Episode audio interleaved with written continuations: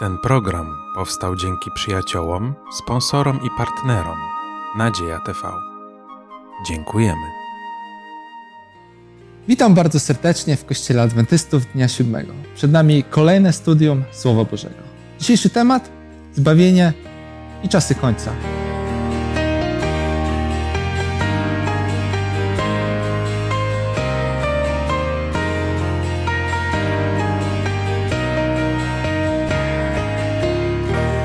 Razem ze mną jest trójka wspaniałych, młodych ludzi. Pozwólcie, że oprócz tego, że ich przedstawię, to powiem jeszcze parę słów o nich. Zacznę od mojej lewej strony. Damian. Damian jest absolwentem seminarium w Podkowie Leśnej i od niedawna pracuje jako pastor w Warszawie. Karolina. Karolina jest również po studiach teologicznych oraz skończyła germanistykę. W kościele zajmuje się muzyką. I Marek. Marek od 12 lat jest pastorem i obecnie w kościele pełni funkcję kierownika do spraw młodzieży. Ja mam na imię Grzesiek, jestem po seminarium i obecnie studiuję teologię w Warszawie. I przed naszym studium Słowa Bożego pomódlmy się razem z Markiem. Panie Boże, chcemy, żebyś to Ty prowadził nas w naszych myślach i pomimo całego naszego przygotowania, to Ty nas oświecaj jeszcze bardziej, tak żebyśmy kolejny raz mogli być zaskoczeni, jak przez tematy, które mogą wydawać się takie znane, Ty objawiasz jeszcze bardziej swoje piękno, swoją mądrość. Niech Twój święty duch nad nami czuwa, nad naszymi ustami i dziękujemy za to, że Twoje słowo może być w naszych rękach. Niech Tobie będzie, Panie Boże, chwała. Amen. Amen. Amen. Może pierwsze takie rozgrzewkowe pytanie. Jak Wam się w ogóle ta lekcja podobała? Znaleźliście coś takiego nowego, odkrywczego dla Was? Czy może nie? Czy może powtarzaliście te myśli, które już dawno znacie? Jak je odebraliście? To, co mi się bardzo podobało y, w tym studium, y, pomimo, że na pierwszy rzut oka wydawałoby się, że to takie bardzo początkujące tematy, czy dla początkujących, ale właśnie to, że kładziony jest akcent na y, te elementarne sprawy, Chociaż one dla niektórych mogą nie być wcale takie elementarne, bo y, ja w moim y, życiu i duchowych poszukiwaniach ja już wiedziałem o przykazaniach, które w Biblii są inne niż te z katechizmu. Y, wiele proroc nawet znałem, a dopiero później odkryłem, że Bóg Ojciec mnie tak bardzo kocha, więc to kiedyś było dla mnie bardzo odkrywcze, ale to, co chciałem powiedzieć, to, to co dla mnie było trochę zaskakujące, to to, że ktoś, kto przygotowuje te tematy biblijne z poziomu generalnej konferencji dla całego Kościoła mówi, że to jest jeden z najważniejszych tematów, które trzeba poznać w obliczu przygotowań na czasy końca. Mhm, I to było dla mnie bardzo odkrywcze. I zgadzam się z tym. Ja tutaj właśnie też chciałem powiedzieć, że e, no, mówimy, że to są tematy takie podstawowe, prawda?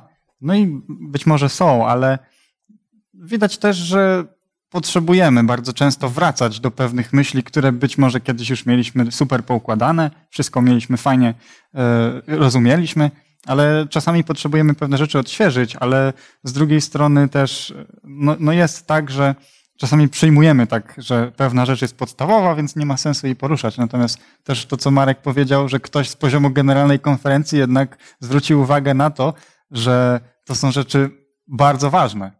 Mhm.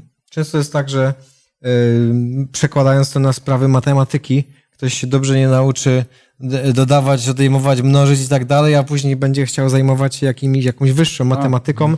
I podobnie tutaj w chrześcijaństwie, jak nie zobaczymy tej prawdziwej, przyjaznej, życzliwej e, twarzy Pana Boga w każdym wymiarze, to jak tutaj mówić o jakichś czasach końca? Mhm. Dziękuję za Wasze wypowiedzi. Ja miałem bardzo podobne odczucia. Ale właśnie, jak to jest z tym Panem Bogiem? Ja całkiem niedawno namawiałem bardzo długo pewną bliską mi osobę, aby zaczęła czytać Słowo Boże. Naprawdę namawiałem przez miesiące. Opowiadałem, ile ja ze Słowa Bożego otrzymałem, jak Boga przez to poznałem, ile Bóg w moim życiu zrobił. Namawiałem, namawiałem, aż w końcu namówiłem.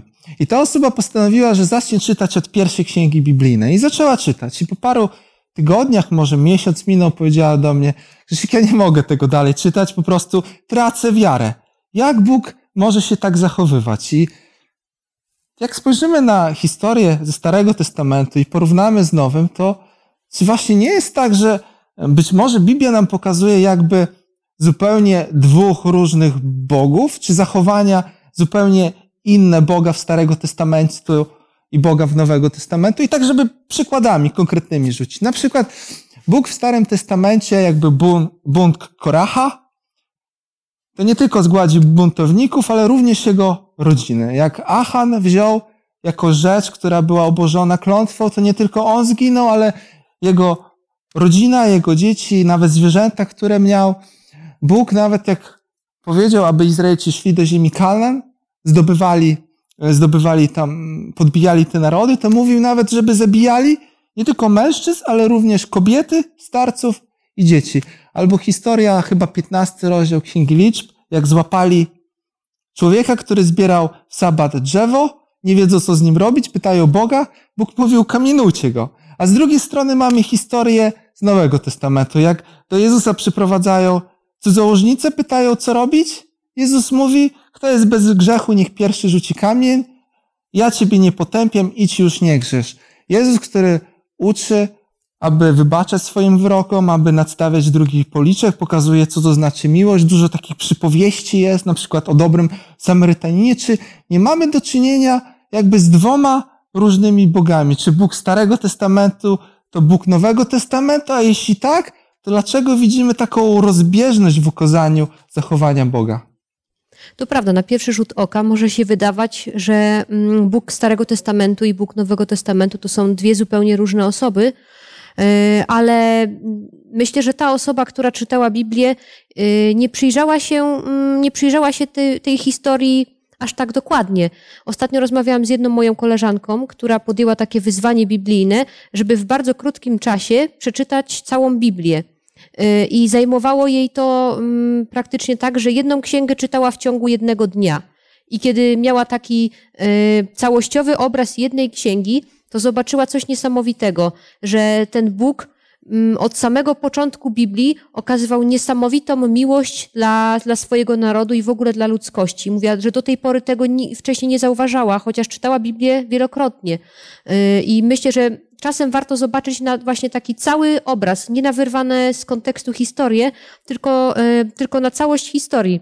Chociażby jak czyta się księgę Ezechiela albo księgę Ozeasza, gdzie obraz Boga jest bardzo dramatyczny, gdzie Bóg jest pokazany jako osoba e, bardzo emocjonalna, która w jednym momencie Yy, mówi, że zniszczę, już nigdy was więcej nie będzie, ale potem z drugiej strony mówi, że przyprowadzę cię z powrotem, przyciągnę cię więzami miłości, zawrę z tobą ponownie przymierze i znowu, znowu, będziemy, znowu będziemy razem, to okazuje się, że ten Bóg jest tak naprawdę pełen miłości i żarliwości do swojego ludu, a jego gwałtowne reakcje, które dla nas wydają się yy, straszne i okrutne, wynikają właśnie z jego, z jego pasji i jego żarliwości.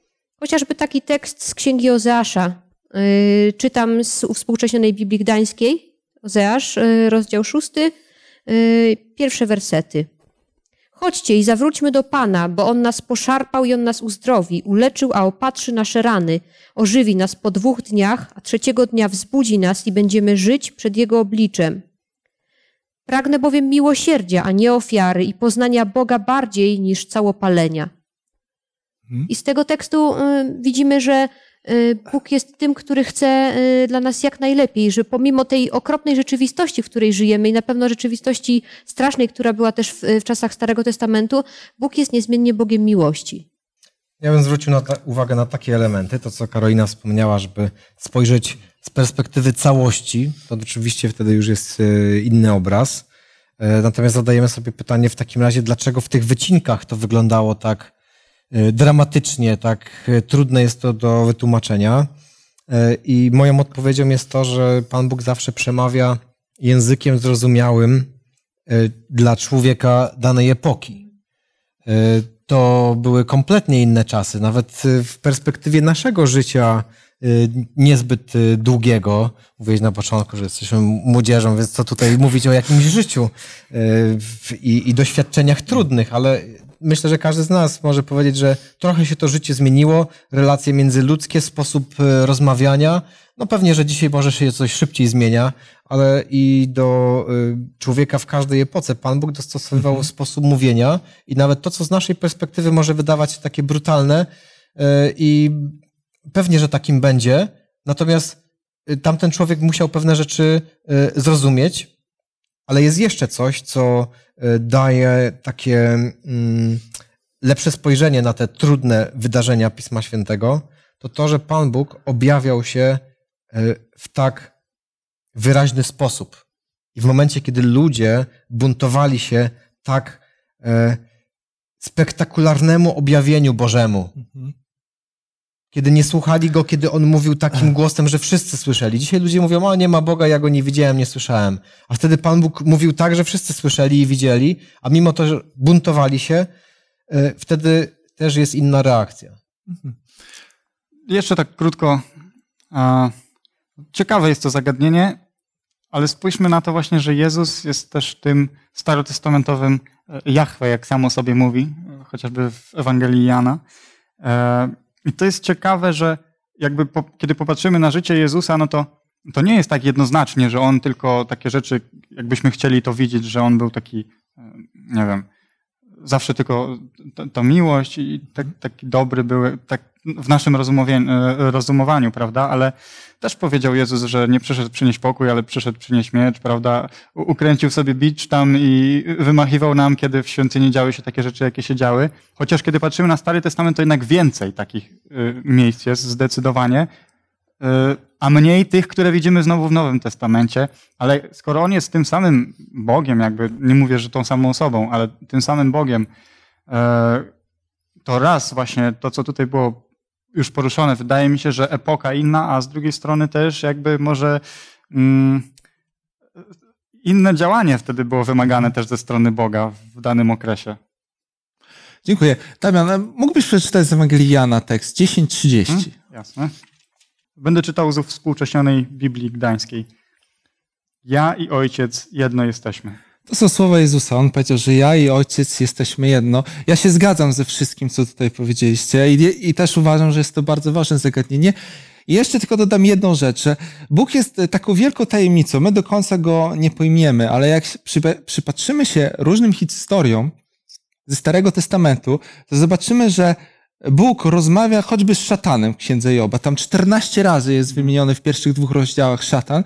Bóg wchodzi z nim w pewną dyskusję. Szatan podsuwa pomysł, pomysł, a Bóg nie wiadomo z naszej perspektywy dlaczego, ale Bóg wie, ale się zgadza na, na jego pomysł, aby, aby wypróbować Joba. I tak samo w księdze, w pierwszej księdze królewskiej, ostatni rozdział, tam jest wizja Micheasza, który mi, mówił, powiedział, widziałem Pana siedzącego pośród swoich zastępów i powiedział, kto zwiedzie Ahaba, aby poszedł na wojnę i zginął.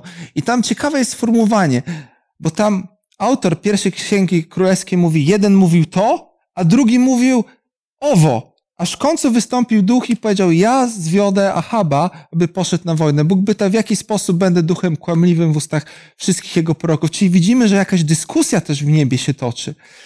I czasy Starego Testamentu to również te czasy, gdzie jeszcze szatan mógł przebywać w niebie. W Nowym Testamencie widzimy, Jezus powiedział, widziałem szatana, jak spadł na ziemię niczym błyskawica. Apokalipsa 12 również jest ta wizja, jak szatan zostaje wyrzucony z nieba.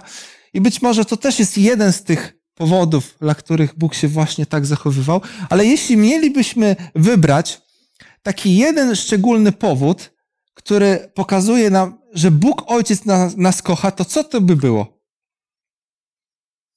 Po czym wiemy, że Bóg Ojciec nas kocha? No chociażby to, że już w samym momencie, kiedy człowiek odszedł od Boga, no nie zniszczył go, prawda? Tylko mhm. by, była wymagana ta nienaturalna interwencja, bo tam jest pierwszej księdze Mojżeszowej 3.15 powiedziane, że ustanowię nieprzyjaźń między wami. To znaczy, to nie jest coś naturalnego w tym momencie. Bóg wychodzi nam naprzeciw. Chcielibyście coś dodać? Moim ulubionym argumentem, kiedy zastanawiamy się nad tym, czy ojciec tak samo kocha ludzi, są słowa z Ewangelii Jana z 16 rozdziału, tam 26 i 27, kiedy Pan Jezus mówi tak. Owego dnia w imieniu moim prosić będziecie, a nie mówię wam, że ja prosić będę Ojca za was, albowiem sam Ojciec miłuje was, dlatego że wyście mnie umiłowali i uwierzyli, że ja od Boga wyszedłem. Sam Ojciec miłuje was. To są słowa Pana Jezusa. Jeżeli ktokolwiek ma jakieś y, trudności y, z zobaczeniem prawdziwego oblicza Boga, no to nikt nie ma takiego problemu z osobą Pana Jezusa. I kiedy ten Jezus, który jest prawdomówny, e, daje swoje życie i on mówi, Ojciec miłuje was tak samo. Ja mu wierzę, nie mam co do tego wątpliwości i słowa Pisma Świętego, które znamy tak dobrze, że bowiem tak Bóg umiłował świat, że Syna swego jedynego dał, żeby każdy, kto weń wierzy, nie zginął, ale miał życie wieczne. To Mhm. jest kolejny z takich najmocniejszych dowodów. Y, Ten, którego my znamy, który jest dla nas takim uosobieniem miłości, ciepła i życzliwości, to żeby on mógł przyjść, to ojciec jest tym, który go daje. No. Ciekawe, ciekawe myśli. Ja bym tutaj wymienił, zastanawiając się nad tym tematem, że największym dowodem Bożej miłości dla mnie jest to, że właśnie Bóg dał swojego syna, patrzył na mękę cierpienia swojego syna. A jeśli kogoś kochamy, to dobrze wiemy, że naprawdę sprawia nam to dużo większy ból, jak patrzymy na cierpienie naszej bliskiej osoby, niż sami, sami cierpimy. Jezus Chrystus, to, że Jezus nas kocha, to jesteśmy o tym przekonani, prawda? Umarł na krzyżu, żył, pokazywał to, że nas naprawdę kocha, przyszedł dla nas. E, Może przeczytajmy z listu do Filipian, drugi rozdział, wersety 5-8. Niech będzie w was takie nastawienie umysłu, jakie też było w Chrystusie Jezusie, który, będąc w postaci Boga, nie uważał bycia równym Bogu za grabież, lecz ogołocił samego siebie, przyjmując postać sługi i stając się podobny do ludzi. A z postawy uznany za człowieka, uniżył samego siebie i był posłuszny aż do śmierci, i to do śmierci krzyżowej. Myślę, że tego te tekstu nie będziemy analizować, bo on jest dość znany, ale tak zastanówmy się, jak pogodzić właśnie ten obraz e, miłującego Jezusa, to jak on siebie pokazał, z tym, co na przykład widzimy w Apokalipsie w 19 rozdziale, że Jezus wraca w szacie umoczonej we krwi, z jego ust wychodzi, wychodzi miecz, którym bije narody. Jest jakaś wizja ptaków, co się zbierają na wielką ucztę i widzimy tam w tej wizji wielu pobitych królów, władców. Jak właśnie porównać jakby te dwie wizje? Z jednej strony Jezus Chrystus, który mówił na, nastaw drugi policzek, wybacz swoim wrogom, a z drugiej strony Jezus wraca w fale i bije swoich wrogów. Dla mnie osobiście to jakby nie ma tutaj żadnej sprzeczności, nie ma żadnego problemu, no bo czytamy o tym, że Jezus, będąc w postaci Bożej, będąc Bogiem, Mhm. przyjmuje postać sługi, prawda? Przychodzi tutaj na świat, pokazuje nam jak żyć, pokazuje nam Ojca, pokazuje nam jacy my powinniśmy być w stosunku do Boga, Mm, ale Jezus nie jest sługą jakby na zawsze. Jezus jest królem królów, Jezus jest Bogiem, prawda? I Bóg mówi, że sąd należy do Niego. E, Więc jakby tutaj ta wizja, którą potem mamy e, w księgach prorockich, w Apokalipsie, Boga, który przychodzi powtórnie i tam mamy mnóstwo pobitych, no to jakby jest czas, kiedy trzeba po prostu e, zakończyć historię tego zła, jakie widzimy na tym świecie, no bo przecież wiemy, że to nie jest dobre, wiemy, że to musi się skończyć i chcemy, żeby to się kiedyś skończyło. I w tym wszystkim ja też nie widzę tutaj Jezusa jako kogoś, komu sprawia przyjemność to, co musi zrobić. Raczej widzę go jako kogoś, kto robi to z wielkim smutkiem i żalem, e, ale pr- musi to zrobić, żeby świat był no w końcu taki, jak miał być. I ja to osobiście się dziwię y, tej wielkiej Bożej cierpliwości, bo kiedy Pan Bóg miłuje wszystkie swoje stworzenia, cały ten świat, to te wszystkie głosy, które się wznoszą, Panie, przyjdź, kiedy ludzie cierpią, kiedy nawet może nie znają imienia Jezus, ale żyjąc w okropnych warunkach tego świata, w tych podłych różnych miejscach, krajach, y, coś, co nam się w głowach nie mieści, te wszystkie wojny, które się wciąż, wciąż toczą. My sobie siedzimy w takich naprawdę dostatnich czasach i w przyjemnym miejscu, Tak. czytając Pismo Święte. Y, Jest, jest przyjemnie mówić o, o Bogu pełnym miłości, ale w tym samym czasie y, ludzie y, doświadczają grzechu i cierpienia w okrutny sposób i ja widzę Boga, który jest Bogiem miłości, który przychodzi i mówi dość. E, I tak jak zacząłem, to powiem, że, e, że naprawdę zadziwia mnie Boża cierpliwość dla ludzi tego świata, tych, którzy jeszcze mają usłyszeć, że On jeszcze nie przychodzi. Tak, i należy też pamiętać, że Apokalipsa jest księgą symboliczną. To, co e, tam czytamy, to są prawdy, ale zawarte w symbolach. Jezus, który przychodzi w tej szacie umoczonej we krwi z tym mieczem, ja to odnoszę jako po prostu symbol, nie literalne wypełnienie tego, ale to, że po prostu Jezus tym swoim słowem osądzi wszystkich ludzi i oni polegną pod, pod siłą Jego argumentów. Tego, że nie przyjęli tej Ewangelii, tego posłania czystej miłości Bożej, odrzucili to, no i za to, tak jak czytamy, zapłatą za grzech i śmierć. Jest to również e, język człowieka, który e, żył w czasie, kiedy to było pisane, bo tak. nieraz ludzie czytając Księgę Apokalipsy, widząc jakąś scenę, kiedy księgi są otwierane, mówią, a gdzie tam komputery, takie rzeczy, prawda? tak, tak. Za każdym razem Pan Bóg w swoim przekazie dostosowuje no. się do, do człowieka i ani tych komputerów nie potrzebuje, tak naprawdę nawet ksiąg nie potrzebuje, ale żeby y, zobrazować pewną, y, pewien swój sposób działania, no, jakieś tam ludzkie słowa są, są użyte, a tutaj jest obraz tego Boga zwycięzcy. No toż to, tak samo jak Jezus e, wracał tam w tej wizji na koniu. No dzisiaj jakby pewnie prorok miał jakąś wizję, to nie na koniu, tylko pewnie w jakiejś tam maszynie by wracał albo unosił nie, się. Tak po prostu. Tak? No, tak? Się, no. To przejdźmy może teraz do Ducha Świętego. Duch Święty jest taką tajemniczą postacią w Biblii. No i na temat Ducha Świętego były różne opinie. Różnie go ludzie postrzegali. Niektórzy jako pewna moc, inni jako obecność Boga i Jezusa Chrystusa, jeszcze inni jako miłość łącząca Ojca z Synem, ale my jako adwentyści, my uważamy, że nauka biblijna mówi o tym, że Duch Święty jest osobą. Jest Bogiem, osobą. Jakbyśmy mogli jakiś taki argument biblijny podać, co nas do tego przekonuje?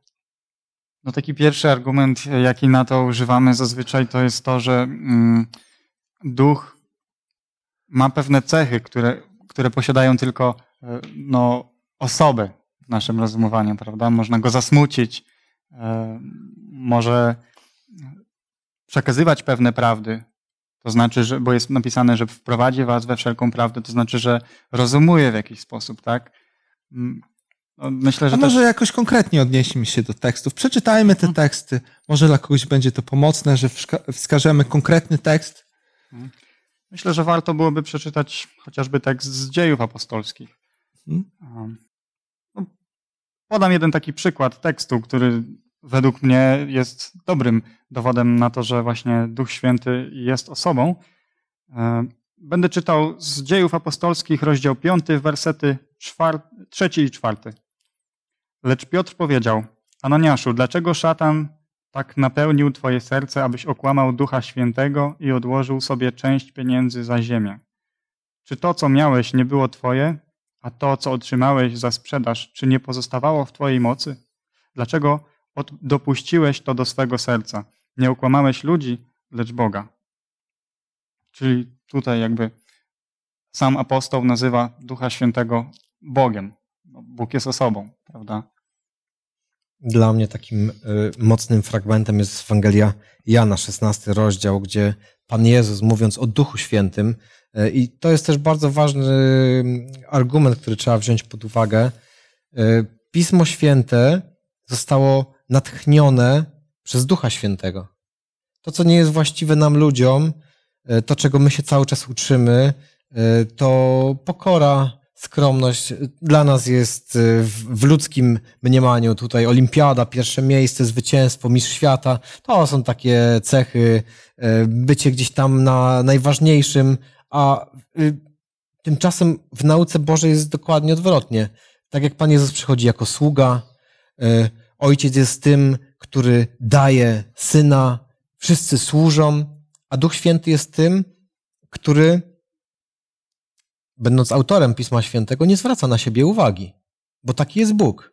On będzie pokazywał, Duch Święty będzie zwracał uwagę na Jezusa, będzie zwracał uwagę na Ojca, ale właśnie w tym miejscu, w Ewangelii Jana 16 rozdziale, gdzie Pan Jezus się odzywa, yy, mówiąc o Duchu Świętym, On znowu zwraca uwagę na Ducha Świętego. Bo taki jest, taki jest Bóg, że będzie, każdy z nich pokazuje na, na tego drugiego. Yy, on jest, on jest ważny. I kiedy Pan Jezus mówi te słowa, od ósmego wiersza. A gdy On przyjdzie, mówiąc o Duchu Świętym, przekona świat o grzechu, sprawiedliwości i o sądzie. A gdy On przyjdzie, a później w wierszu trzynastym, lecz gdy przyjdzie On, Duch Prawdy, wprowadzi was we wszelką prawdę. Więc zapowiada kogoś, kto przyjdzie i tutaj jest bardzo charakterystyczne, używa zaimka osobowego, e, gdzie ktoś, kto czyta po grecku, gdzie ludzie, którzy słyszeli te słowa, wiedzieli, że chodzi o osobę. Że to nie może być jakiś byt e, nieosobowy, e, jakiś, jakaś energia, choć jakaś osoba. Ktoś przyjdzie, będzie nauczał, będzie wprowadzał. Zatem tutaj również gramatyczny, językowy, bardzo mocny argument. To może jeszcze jeden tekst dziejów apostolskich z 16 rozdziału, wersety 6 e, i 7. Gdy przeszli Frygię i krainę galacką, Duch Święty zabronił im głosić Słowo Boże w Azji. Gdy przybyli do Myzji, próbowali pójść do Bityni, ale im Duch nie pozwolił. I dalej jest potem y, historia, kiedy Paweł ma widzenie i dostaje konkretne miejsce, w które ma się udać. Y, więc widzimy tutaj, że ten duch jest osobą decyzyjną. To nie jest jakaś podrzędna istota, to nie jest y, jakaś tylko moc czy energia, ale osoba, która ma prawo decydowania i która też może kierować ludźmi, co mają robić lub czego mają nie robić to podkreśla, że e, pomimo tego też, co Marek mówił o tym, że jest ta służba i jest ta uległość, to e, istnieje autorytet boski i Duch Święty właśnie jest obdarzony e, takim boskim autorytetem. Mhm. Ja jeszcze tutaj jeden tekst przeczytam. Ewangelia Mateusza, 28 rozdział, werset 19 z przykładu Biblii Tysiąclecia. Idźcie więc i nauczajcie wszystkie narody, udzielając im chrztu w imię Ojca i Syna i Ducha Świętego. Czyli jakby trzy osoby bóstwa są wymienione w tym wersecie. Jakby Duch Święty miał być tylko jakąś emanacją, jakąś miłością, tak, nieosobową, no to trochę dla mnie bez sensu by było umieszczać że to sformułowanie, żeby chcić w Jego imię, skoro to nie osoba. Tak. Ale e, skąd wiemy tak naprawdę, że Duch Święty nas kocha? Że On nas kocha, może nas nie kocha? Czy Biblia coś o tym mówi? Jakby nas nie kochał, to byśmy tutaj nie siedzieli. Te wszystkie ciche y, zachęty, podszepty, ta mm, niezwykła siła, która w sercu gdzieś próbuje się do tego serca dostać, mówi do nas, zachęca do dobrych decyzji. Mówiła w wielu momentach y, dawnego życia, kiedy człowiek nie zważał na Boga, a, a był cichy głos, który mówił, to nie jest dobre, co robisz. E, jak, jak tutaj mieć wątpliwości, czy, mhm. E, czy ten głos nas ciągnął w dobrą stronę? Ja bym na, na pewno tutaj nie był, o ile w ogóle jeszcze bym żył, gdyby nie to, że Pan Bóg nie ustawał z tym swoim cichym mówieniem do mnie i, i czasem mocnym prowadzeniem. Takim y, ciekawym wersetem, który podkreśla to, że Duch Święty jest zainteresowany nami i jest po naszej stronie, jest werset z listu do Rzymian, e, rozdział 8 i tutaj werset 26 i 27. Podobnie i Duch dopomaga naszej słabości. Nie wiemy bowiem, o co powinniśmy się modlić, jak trzeba, ale sam Duch wstawia się za nami w niewysłowionych westchnieniach. A ten, który bada serca, wie, jaki jest zamysł Ducha, ponieważ według woli Boga wstawia się za świętymi. Dziękuję. Rozmawialiśmy o miłości Boga Ojca, Jezusa Chrystusa, Ducha Świętego, o tym, że Bóg nas kocha, ale Bóg jest również Bogiem żywym, który działa w życiu swoich ludzi, ludzi, którzy Mu wierzą, w życiu swoich dzieci. Czy my doświadczyliśmy mm, działania Bożego, tej Bożej miłości w naszym życiu? I teraz pytam o jakieś takie konkretne doświadczenia. W jaki sposób my się przekonaliśmy o tym, że Bóg nas kocha? Próżno byłoby szukać takiego momentu, kiedy Pan Bóg e, przychodzi, osobiście staje przed nami e, i coś do nas mówi, przekonuje nas o swojej miłości, ale właśnie Jego działanie w różnych momentach, również cała historia, która spisana jest w Piśmie Świętym, ona też ma być takim świadectwem Bożego działania dla mnie. I kiedy patrzę na moje życie, na różne momenty, kiedy Pan Bóg mnie ratował, nawet kiedy ja zupełnie na Niego nie zważałem i nawet w Niego nie wierzyłem, E, to, to mnie przekonuje, że ponieważ to nie mogły być przypadki w tak wielu momentach, jest ktoś, kto mnie bardzo lubi i dlatego to dla mnie było takim, tak bardzo odkrywcze, że to nie tylko Pan Jezus nas kocha, On przyszedł, oddał swoje życie. E, nie, nie. E, Bóg w, w każdym wymiarze, w każdej osobie kocha nas, zna nas i zrobiłby wszystko, żeby nas ratować.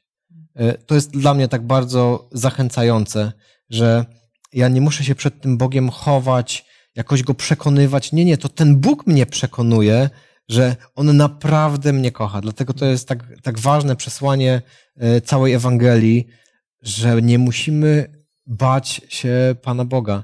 On jest po naszej stronie. Wszyscy są po naszej stronie. To, to czyni wielką różnicę w życiu człowieka. I całe nasze życie jest tego doświadczeniem. Pomimo e, momentów, kiedy wydawałoby się, gdzie ty, Panie Boże, jesteś. Ja e, kiedyś e, też tak doświadczyłem w paru sytuacjach, że Bóg mnie kocha. Jedna z takich sytuacji to mm, łapałem kiedyś stopa, by dojechać do, do pracy. Już e, szef zaczął, zaczął dzwonić, gdzie ja jestem. Byłem na nabożeństwie w sobotę. Sobota się skończyła, miałem być w pracy. Szef dzwoni, Grzesiek, gdzie jesteś?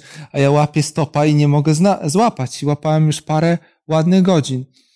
I zadzwonił do mnie kolega i powiedziałem, no słuchaj, musimy się pomodlić, bo po prostu no, nie jestem w stanie złapać dzisiaj stopa. Pierwszy raz.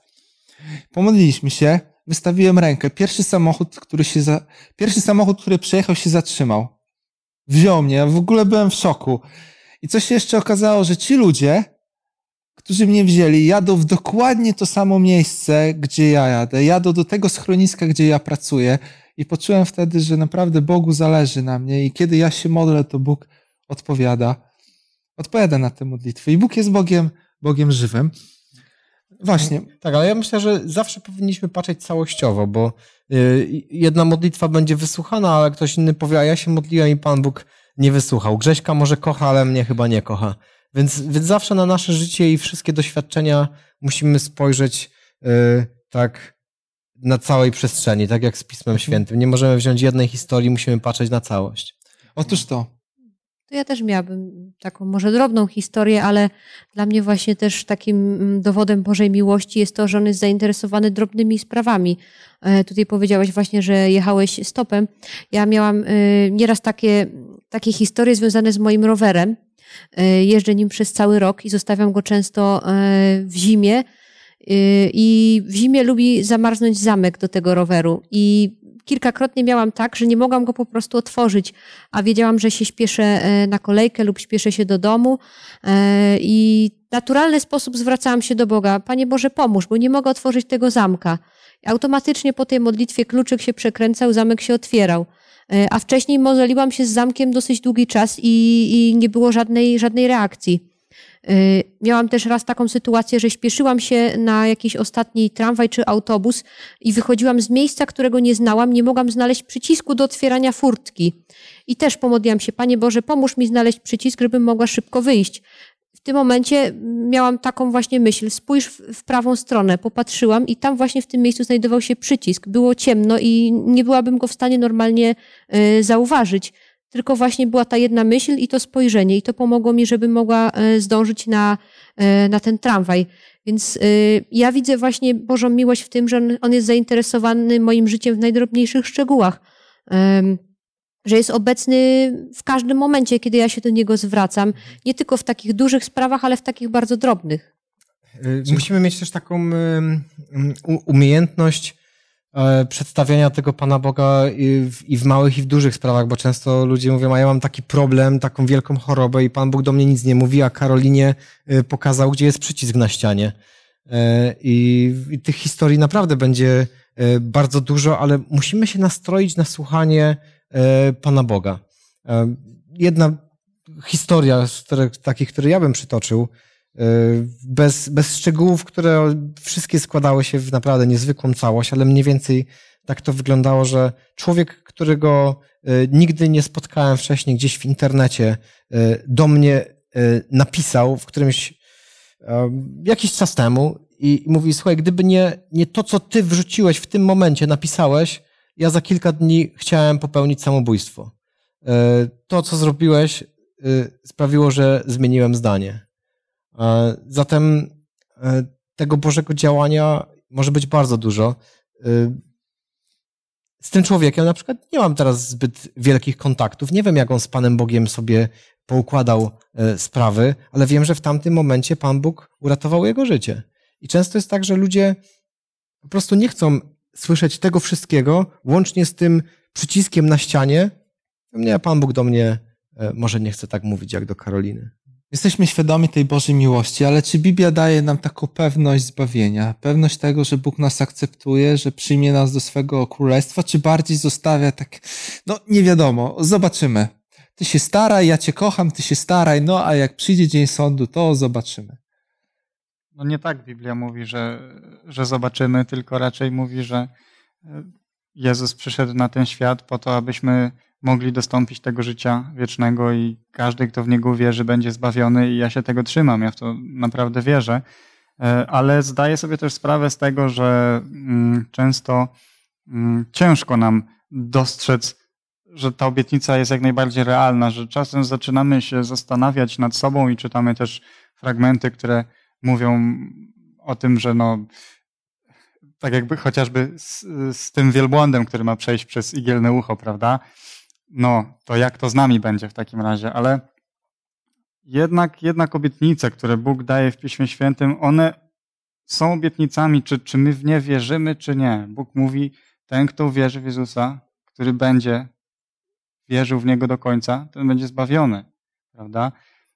I powinniśmy się tego trzymać, bo dlatego, że nasz umysł czasami płata nam różne figle, łapamy, łapiemy się na różnych tam właśnie takich wątpliwościach, łapiemy depresję czasem i tak dalej i my myślimy, że już do niczego się nie nadajemy, Bóg nas na pewno nie kocha, ale musimy pamiętać wtedy, że to nie na podstawie naszych zasług, na podstawie tego, jak daleko myśmy doszli, jacy jesteśmy dobrzy, Bóg nas zbawia, tylko na podstawie tego, że to On nas najpierw umiłował.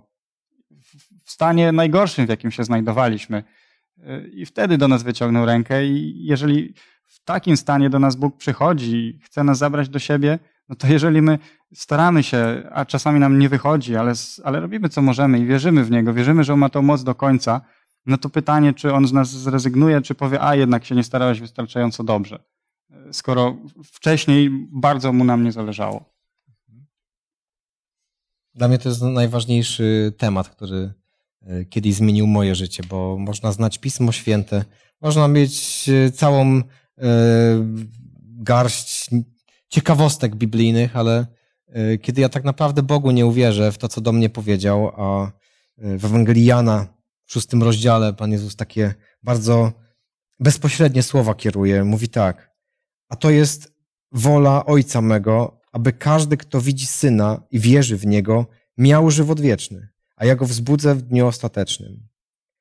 Zaprawdę, zaprawdę powiadam wam, kto wierzy we mnie, ma żywot wieczny to były wiersze 40 i 47. Y, zatem Pan Jezus mówi, to nie od ciebie zależy, tylko po prostu, jeżeli ty we mnie wierzysz, nie od tego, jaki ty jesteś, ale ja ci dam, ja ci chcę dać to życie wieczne. Rozmawialiśmy o tym, że Bóg naprawdę zakochał się w człowieku. Robi wszystko, co tylko może. I mówi, naprawdę chcę ciebie mieć w moim królestwie. Um, zmiana zaczyna się wtedy i, i to jest takie prawdziwe chrześcijaństwo, kiedy człowiek uwierzy Panu Jezusowi, że On naprawdę mnie tam zabiera, ja tam będę. Wtedy wszystko się zmienia. Wtedy ten Pan Jezus przestaje być e, jakimś um, Bogiem odległym, e, który jest doskonały, który powiedział to i tamto i ma swoją księgę, tylko zaczyna być moim Bogiem, takim przyjacielem, który naprawdę mnie uratował. A, a to, że upadamy, pewnie, że chcielibyśmy zmierzać i zmierzamy w kierunku podobieństwa do Pana Jezusa. Y, natomiast nie od tego zależy nasze zbawienie. To jest naszym problemem. Widzimy, że upadłem, o to chyba Pan Bóg już mnie nie, nie lubi, pogniewał się na mnie, czuję to, że się na mnie pogniewał. Y, ale, ale tak nie jest. A jak odniesiemy właśnie to przesłanie tej pewności zbawienia do tych słów Jezusa Chrystusa z Ewangelii Mateusza 7 rozdziału, gdzie Jezus powiedział, nie każdy, kto do mnie mówi, Panie, Panie, wejdzie do Królestwa Bożego, bo wielu przyjdzie i będą mówić, no Panie, w Twoim imieniu, no i demony wyganialiśmy i cuda czyniliśmy, wiele to, i wiele takich rzeczy zrobiliśmy Jezus odpowiada i wtedy im powiem, odejdźcie ode mnie, nie znam was. Wy, którzy czynicie nieprawość, nie zachowujecie tego prawa. Jak to współgra ze sobą? Czy to w ogóle współgra? Tutaj właśnie y, ten fragment czyni wielką różnicę pomiędzy chrześcijaństwem y, a religiami, które nie opierają się na zasługach y, swojego Zbawiciela, tylko na swoich własnych zasługach. Warto zwrócić uwagę, że ludzie przychodzą jakby ze swoimi dokonaniami. Pro, prorokujemy, wypędzamy demony, czynimy cuda, to znaczy, że powinniśmy wejść do nieba. To są takie oznaki tego, że, że jesteśmy naprawdę wierzącymi ludźmi, którzy mają Tak. prawo, żeby się w tym królestwie znaleźć. Yy, I jest, myślę, wiele osób, które w ten sposób podchodzą do życia, że jestem dobrym człowiekiem, yy, nie ukradłem, nikogo nie zabiłem. To znaczy, że mogę sobie zasłużyć na, na bycie z Bogiem i, i dzięki temu będę zbawiony. Tylko, że kiedy przychodzi potem inne doświadczenie, kiedy ten człowiek zrobi coś, czego nigdy nie spodziewał się, że zrobi, to w tym momencie na czym opierała się ta jego pewność? Okazuje się, że y, tylko i wyłącznie na, na sobie, tak? A to jest bardzo, bardzo zawodne y, i, i może prowadzić właśnie do różnych załamań, depresji i tak dalej. Dziękuję, bardzo ciekawe myśli. Wiecie, niedawno byłem na spotkaniu młodzieżowym i ktoś tak zadał mi to pytanie. Grzesiek, jesteś zbawiony? Ja powiedziałem tak, od razu. Tak popatrzyli na mnie, bo tak czasami jest w naszym chrześcijańskim myśleniu, że jak ktoś powie tak, uważam, że jestem zbawiony, to my zakładamy, że on uważa się, że jest tak święty, tak doskonały, że Bóg go przyjmie. Ale tak naprawdę w Bożym planie działania to jest zupełnie inna perspektywa. Bo ja mówiąc, że jestem zbawiony, jestem całkowicie świadomy, że jestem totalnym grzesznikiem. I nie ma dla mnie innego ratunku, jak tylko przez zasługi Jezusa Chrystusa, przez to, co zrobił Jezus Chrystus. I Bóg mówi, chcesz być zbawiony? Nie jesteś zbawiony przez to, co zrobić. Musisz uwierzyć w to, co ja zrobiłem. Ja w to wierzę. Jakbym ja w to powie, wątpił, to bym sugerował, że chcę dodać coś do dzieła Bożego. Czy ja mogę coś dodać do doskonałego zbawienia, które Jezus Chrystus dokonał na krzyżu? Jeżeli, Jakieś moje jeżeli czyny? Bóg cię kocha i chce cię zbawić, to dlaczego nie?